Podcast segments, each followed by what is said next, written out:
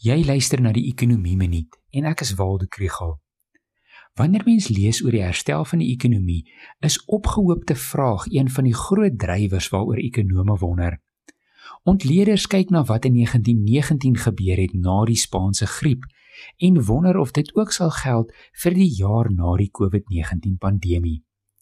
Die Planet Money potgooi het 'n mooi voorbeeld van hoe die Spaanse griep die bywoning van bofbalwedstryde in die FSA geknou het in 1918.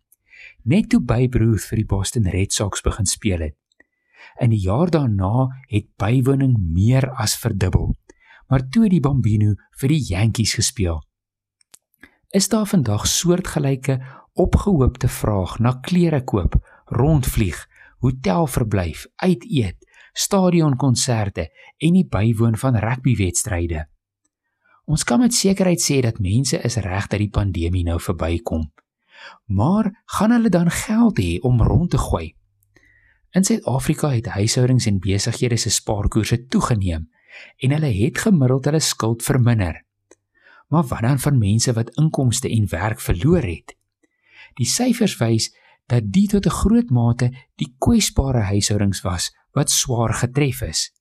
Die mense wat formeel in diens geneem is, het redelik hulle inkomste behou en was deur die inperking gedwing om te spaar. Daar is dus 'n kans dat daar opgehoopte vraag is wat 'n bietjie kan help om ekonomiese groei te dryf. Mens sien dalk iets daarvan in hoe goed die eiendomsmark nou doen. Maar dit kan net gebeur as die inentingsprogram aan die gang kom en die koronavirusgevaar uitgeskakel word. As jy meer van die ekonomie wil leer, volg die ekonomie blok.